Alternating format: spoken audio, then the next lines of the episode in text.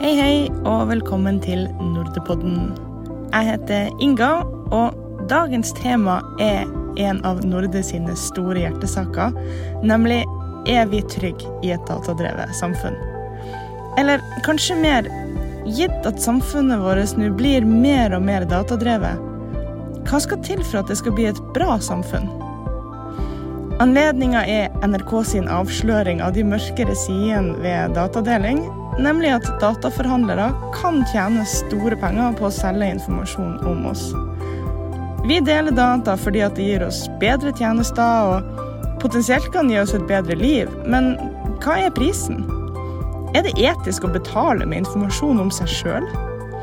Er et trygt datamarked en illusjon basert på et kappløp mellom industrien og tilsynsmyndighetene? Burde vi egentlig bare slå av mobilen og reise tilbake til middelalderen? For å få noen perspektiver på det her, så skal jeg ringe tre kloke mennesker. Nemlig Johannes Brodvold, sjefsprogrammerer hos Soplasteria. Eller um, bekymra mann med langt hår og skjegg, som han sjøl sier. Leonora Onarheim Bergsjø, digital etiker med doktorgrad fra Universitetet i Oslo. Og um, Øyvind Indrebø, leder for data og analytics hos Fremtind. Um, som kanskje er det mest fremtidsretta forsikringsselskapet jeg vet om. Hei, Johannes. Hei, Inga. Du, denne NRK-saken, eller avsløringa til NRK over data på avveie, mm. ble du overraska over den? På ett nivå så ble jeg veldig overrasket. Fordi altså, det er jo klart at det faktum at man kan bli så overvåket av, av bevegelsesinformasjon, det er ikke så overraskende. Men det at den dataen ble solgt på en så åpen måte som den ble, det syns jeg var veldig overraskende. Ja, ok. Ja, fordi jeg har snakka med ganske mange folk som jobber med dataanalyse. Uh, og de sier, eller ja, de sa jo også på Dagsnytt 18 her om dagen, at, uh, at det ikke er overraskende. Hva tenker du om det? Eh, nei, som sagt, For meg så er jo da um, er et ganske klart brudd på personopplysningsloven og GDPR da, mer generelt for EU. For salg uh, og overføring av persondata uten behandlingsgrunnlag, det er jo ganske strengt regulert. I dette tilfellet så er jo det som Tamako, som var det selskapet som solgte disse dataene, gjorde, det var jo å overlevere data de besatt til tredjepart uten at de hadde et godt behandlingsgrunnlag for det, og uten at de hadde et lovlig grunnlag for det. da. Så det er jo Altså, nå var jo sånn som saken var, så sier de at dataene var anonymisert, og dermed ikke persondata. Og, og, det var kanskje den, den, det som var litt rart eh, med alle de som har behandlet disse dataene, at de kunne anta at disse dataene ikke var persondata. Da. Ja, kan du utdype det litt, for, uh, for, noen som ikke har tenkt så mye om, over anonymisering? Hvis jeg har masse, masse GPS-spor, og så bare fjerner jeg navnet? Ja. Eh, i, er, det, er, er, er, det ikke anonymt, da? Nei, det er jo ikke det. Eh, det er jo mm, i eh, GDPR, i, mm, da, som er grunnlaget for også den norske personopplysningsloven, så står det som definisjonen av personopplysninger så står det at det er, det er data som kan knyttes til en identifisert eller identifiserbar person. Mm. Og det at da personen at, at, de da har fjernet liksom de primære identifikatorene på personen. Det betyr, at, eh, det betyr ikke at man har fjernet muligheten for det man kan kalle reidentifisering, eller da å finne ut hvem personen er. Og Så lenge du kan finne ut hvem personen er, eller finne ut hvem en betydelig andel av personen er, så er det fortsatt persondata. Men hva tror du, eh, hva tror du folk reagerer mest på uh, når de leser om sånn her? Er det, er det lovbruddet, eller er det overvåkninga? Jeg tror nok det er eh, litt kombinasjonen. altså Jeg tror ikke folk er bevisst på at dette er et lovbrudd, på den måten som jeg beskriver nå. Eh, men eh, det er jo den overvåkingen som er der. fordi at jeg tror de fleste av oss gir fra oss lokasjonsinformasjon og er til en viss grad bevisste på det. Men vi har jo Men i den saken her så var det jo da han Carl som, ble, som NRK da sporet opp igjen via disse mm. dataene. Og mesteparten av informasjonen om han var jo var, var, ikke så veldig skummel. Han gikk på jobb, og han dro hjem på slutten av dagen. Men så var det jo en episode hvor han da hadde vært på et jobbintervju. og de kunne ved hjelp av historikken se da at å, han var på besøk på dette kontoret på dagtid, og så noen uker senere så begynte han å være der hver dag. Så han hadde da byttet jobb der. Mm. Uh, og så var det et senere tidspunkt hvor de da hadde sporet familien når de hadde dratt til sykehuset sønnen, for, for da sønnen sin fødsel. Og det er klart at den overvåking, den daglige, sånn at eh, jo, nei, eh, noen har overvåket at jeg var hjemme og så dro jeg på jobben, det trekker vi litt på skuldrene på. Men det at det føles ut da her som om noen fulgte eh, Carl i dette tilfellet til jobbintervjuet, som han ikke ønsket at alle skulle vite om, og til sykehuset, til et veldig intimt um, til en veldig intim situasjon. da. Det tror jeg at føles ganske inngripende og ganske invaderende av folks privatliv. Men hvis vi skal um, ja, altså, Hvis vi skal liksom, håper si, uh, heve blikket litt, grann, da, um, så betaler vi jo for uh, gratis, eller det vi tenker er gratis tjenester, med data. Um, for eksempel hvis han hadde brukt Google Maps for å navigere til det sykehuset, så hadde jo dataen om mm. at han dro dit, eksistert. Tenk, tenker, tenker, du at det er noe iboende uetisk og, med å, å, liksom gi opplysninger om oss sjøl for å få en tjeneste? Ikke i seg selv, altså i tilfelle med uh, at man navigerer ved hjelp av Google Maps, så er jo da så antar vi der at uh, For det første så er jo da den tjenesten vi får, navigasjonen der, det er jo veldig relatert til hva vi leverer fra oss. sånn at der føles det veldig som det henger veldig godt sammen. Um, og det andre er jo det at vi har jo vi, føler, vi, skal i hvert fall ha kontroll over dataene våre når vi gir dem til Google Maps. Så hvis du sier til Google kan du slette uh, dataene mine, så skal Google slette dem. Og vi har en viss grad til Vi har en viss tillit til at det mm. skjer. Og, og vi har også en tillit til at ikke Google gir den dataen videre til andre uten vårt samtykke. Um, begge de to uh, påstandene der, da, at de faktisk sletter dataene, og at de ikke gir den videre, det er jo noe vi til en viss grad baserer oss på tillit mm. til. Og i tilfellet her med uh, Tamako, så hadde jo de fått dataene fra apper som folk hadde installert. Som de hadde jo hadde hatt et visst nivå av tillit til. Så man hadde jo hatt tillit til at den dataen ikke skulle komme videre. Men da det at dataene ble solgt videre da først til Tamako og så til NRK, det er jo um, det som jeg tror altså det, det, tror jeg vi alle reagerer på. Det er den, den eh, der hvor du mister kontrollen. Ja, eller det, det tillitsbruddet, kanskje. Ja, nettopp. Ja, så Hvis vi har en sånn her modell som er eh, bygd opp på tillit, da, at aktører egentlig håper jeg, kan gjøre det de vil, altså vi stoler på at de eh, holder seg til regelverket, og så skal det en sånn avsløring eller et eller annet til for at det skal føres tilsyn med dem. Tenker du at den modellen egentlig er bærekraftig, sånn i det store og det hele? Jeg tror nok den er mer bærekraftig enn man kanskje kunne tro. Fordi eh, Som en del av oppfølgingen til denne NRK-saken, eh, eller avsløringen i NRK, så har de også hatt da f.eks. en sak hvor de viser hvordan kan du gå gjennom og fjerne apper som, eh, som eh, samler inn lokasjonsdata om deg. Sånn at uh, I dette tilfellet her så, var det, så, så, tror man vel at det var snakk om apper som egentlig ikke hadde noen grunn til å samle inn lokasjonsinformasjon. Informasjon kom ikke via Google Maps. Um, og det at folk da blir bevisste på at um, enkelte apper samler inn lokasjonsinformasjon, og det er kanskje da at uh, det å samle inn lokasjonsinformasjon blir også noe som, man, som, som blir mer krevende for en app. da det er noe som hjelper på her. For et par år siden så var det jo sånn at uh, når man installerte en app, så, så, var det listet opp dette er de tilgangene som denne appen ønsker fra deg. Og så sier du OK. Men i dag så er det jo sånn at en app faktisk da må spørre deg nå vil appen hente inn lokasjonsinformasjon om deg. Er det greit med lokasjonsinformasjon nå? Um, og det er, jo, eh, det er, jo, et element av, person, altså av personvern at da teknologileverandørene blir mer opptatt av å, uh, av å tydeliggjøre for brukeren når man gir fra seg personinformasjon. Så for å svare da på spørsmålet, så er det jo sånn at um, vi at I dette tilfellet så var det aktører som ikke oppførte seg slik de burde. Og det er også da det kommer flere og flere teknologiske hjelpemidler for at folk skal oppdage når aktører oppfører seg på den måten. Så jeg tror vi kan komme til et bra sted.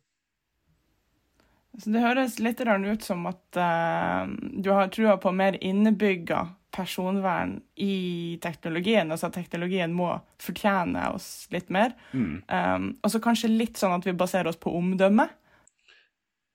Ja, men det er jo ikke bare omdømme, da. Fordi um, i det tilfellet så er det jo eh, det største, den største boten som noe selskap har fått for brudd på GDPR, det er vel faktisk Google som har fått. Så sånn sett så det jo Så kan vi ikke bare stole på at Google har et godt omdømme. men eh, så For det første så er det jo Det er et omdømmeelement i det. Men det er også det at um, vi i større grad bør forvente transparens fra, eh, fra disse tjenestene.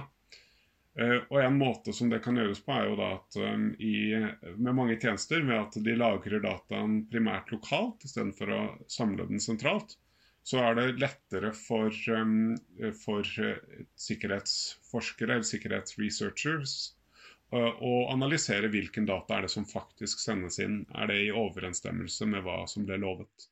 Så I det tilfellet så vil, da, så vil jeg anse at hvis Google Maps hadde, uh, hadde lokasjonshistorikken din bare på telefonen, så ville jo det vært en personvernmessig sikrere um, løsning enn sånn som det er i dag, hvor Eh, hvor man samler det inn sentralt. Men, men, man mister noe også. Ja, ikke sant. De mister jo det vi betaler med nå om dagen, som er dataene, dataene våre. Slik jeg forstår det, så betaler Altså så bruker ikke Google Eller jo, de bruker det jo for så vidt på et anonymt nivå. Um, og Det er kanskje et annet element oppi dette. at uh, For Google så er det veldig interessant å se hvor raskt beveger folk seg langs med veier, slik at de kan ha god uh, trafikkstatistikk. da. Ja, de bryr seg egentlig ikke så veldig mye om hvor jeg bor. Det, det tror jeg ikke de har noe behov for. Altså, selv, om, selv om det kan jo altså, Det er jo situasjoner hvor selskaper selger den informasjonen, men i så fall så er jo det et tillitsbrudd.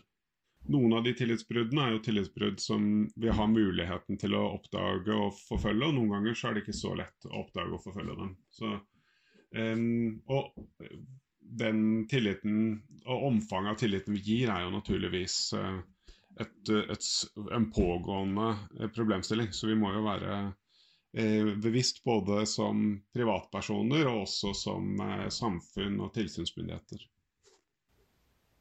Men du, Nå er det mye snakk om lokasjonsdata, og jeg tror vi reagerer litt ekstra på det siden overvåkning er liksom Det er noe sånn primalinstinkt inni oss som er det Det er ikke bra å bli overvåka.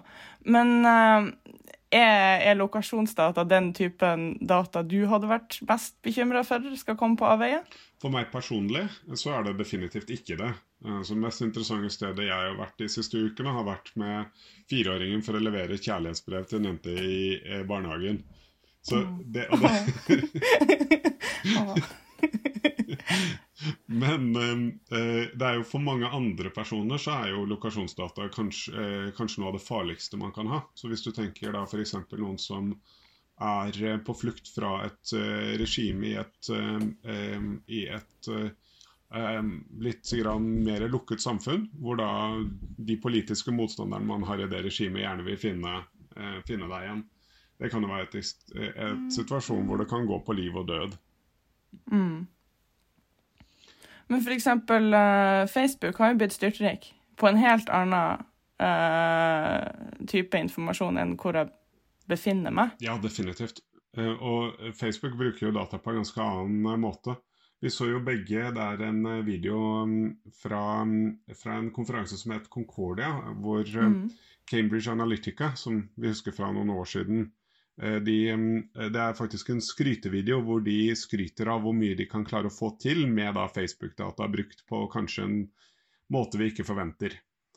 For de har jo da eh, samlet inn veldig mye data om hva slags politiske meninger folk har, og hva slags budskaper som de velger å trykke like på på Facebook og den type ting. Så de kan Eh, de kan målrette da reklame eh, helt ned på et individuelt nivå. Hvor de har da fått e-mailadressen til folk, og så sier denne reklamen, som skal akkurat dette budskapet presentert på denne måten, skal gå til akkurat denne velgeren i akkurat dette valgdistriktet, som er i en sånn vippeposisjon da, i, i, det amerikanske presidentvalget i det tilfellet. Og det er klart at um, når da hva vi liker på Facebook blir brukt til å um, sende målrettet politisk reklame, og det da potensielt har hatt uh, Så hvis man skal tro på deres eget budskap, da, så har Cambridge Analytica klart å påvirke både um, presidentvalget i USA og brexit-valget i Storbritannia ved hjelp av den type data. Det er klart at det er verdt mye penger, og eh, ikke er eh, data brukt på den måten vi selv skulle ønske. Nei, og så er det jo en helt ny type trussel som jeg tenker at evolusjonen ikke har utstyrt oss for uh, å, å, være redd for, på samme måte som liksom, overvåkning, hjelp, noen ser på meg. For uh, vi vet jo hvor, uh, hvor, hvor, lite nudging som noen gang skal til for å få oss til å ta et valg. Så tenk at noen kan sitte der og faktisk vite hva som skal til for å ja. få oss til å ta valg. Og det er jo nesten omvendt der, for evolusjonen har jo, eh, har jo fått oss til å søke tidspunkter hvor folk eh, vil høre vår mening. Ja, faktisk. men, men det da at det kan brukes mot oss på en sånn måte, det er jo det er noe man ikke tenker på hva som skjer når all den dataen samles sammen Uh, og, og, analyseres på en sånn mm. måte. Ja, det er nok en grunn til at de her uh, tech-gigantene har uh, masse atferdspsykologer også uh, blant sine ansatte. Ja. Selv om de ikke kan programmere. Hm, jeg lurer på hva de bruker dem til. Da, hørte du om det eksperimentet Facebook hadde der, hvor de prøvde å påvirke timelinen til folk, og da se om de kunne avhengig av hvilke eh, budskap eller hvilke stories de delte med, med en basisgruppe og en kontrollgruppe, kunne se om de, kom, om, de, ble et bedre humør eller dårligere humør de påfølgende dagene. Og da tenkte jeg tenk, tenk, så mye bra og så mye dårlig du kan gjøre med det her. Um, for det er jo 'happy people spend more'. Uh, så, ja. ja. Men også det da at de kunne gjøre folk lei seg, da. Det er jo også litt eh, tankekors. tankekors. Jeg tenkte når tech-gigantene begynner å straffe oss for uh, når du ikke kjøper noe, ja. så, uh, så, gjør de deg lei deg i et kvarter. Uten at du merker ja. det selv engang. Hvorfor er jeg så trist? Spare penger og er trist. Gud bedre. Men du, hva tenker du? Kan, kan vi være trygge i et datadrevet samfunn, eller går det her åt skogen når vi er så lett å manipulere og så dårlig å følge med? Vi kan nok aldri være trygge, men det, kanskje det viktige spørsmålet er eh, kan vi gjøre oss tryggere, og hvordan gjør vi det? Mm. Og jeg tror det at uh, som et viktig element at jo mer vi klarer å få kontroll over vår egen data, uh, jo mer vi, vi, får transparens i hvordan den behandles, og også hvor mer vi får kontroll over dataene, slik at den lagres på en måte hvor vi kan se hva som faktisk skjer, desto, bedre, desto eh, desto bedre kan vi motvirke da, de effektene som, som kommer av seg selv. Mm. Hva er din, uh, hva, hva, er din go do nå da til, til, folk som hører det her? Hva, hva, burde vi gå og gjøre? Så umiddelbart, basert på denne saken, så bør du jo gå og sjekke på telefonen din hvilke apper du har som deler lokasjonsdata. Ja. Uh, og det er, det er helt konkrete ting rundt denne saken, men generelt sett det å være bevisst på hvilken data du gir fra deg, det er det, det, er det aller viktigste som vi gjør i, um, som enkeltpersoner. Altså Digital hygiene burde bli en del av uh, hva, hva, heter det for noe? Av vår daglige rutine? Ja. Pust hendene to minutter og bruk ett minutt på å avinstallere apper du ikke trenger. Jeg syns det er bra, det. Jeg syns ikke det er for mye forlangt. Pust hendene hver dag. ja. Men, eh, ok, men hvis, eh, hvis, eh, digitaliseringsministeren hører på, eller distrikt- og digitaliseringsministeren, hva, hva hadde vært din go do til henne? Det første er jo det at jeg, jeg syns vi har et veldig godt uh, tilsyn for uh, persondata i Norge. At data, Datatilsynet vårt har gjort um, mye bra. Og det å sørge for at de får den uh, støtten og, og, og friheten som de trenger for å gjøre jobben, det er en veldig viktig Det er kanskje det aller viktigste. Uh, utover, og det neste er jo det å fokusere på når man bygger nye løsninger, og så tenke på hva skal til for å minimere dataen som løsninger samler inn, og gjøre um, gjøre den måten mest mulig transparent for folk, slik at man forstår hvilken data uh, som, uh, som, myndighetenes løsning behandler, og, og hvorfor. Ja. Jeg stiller, meg, jeg stiller meg bak Heia Datatilsynet. Det gjør jeg. Du, Tusen hjertelig takk for praten, Johannes. Bare hyggelig. Det er alltid så hyggelig å snakke med deg, Inge.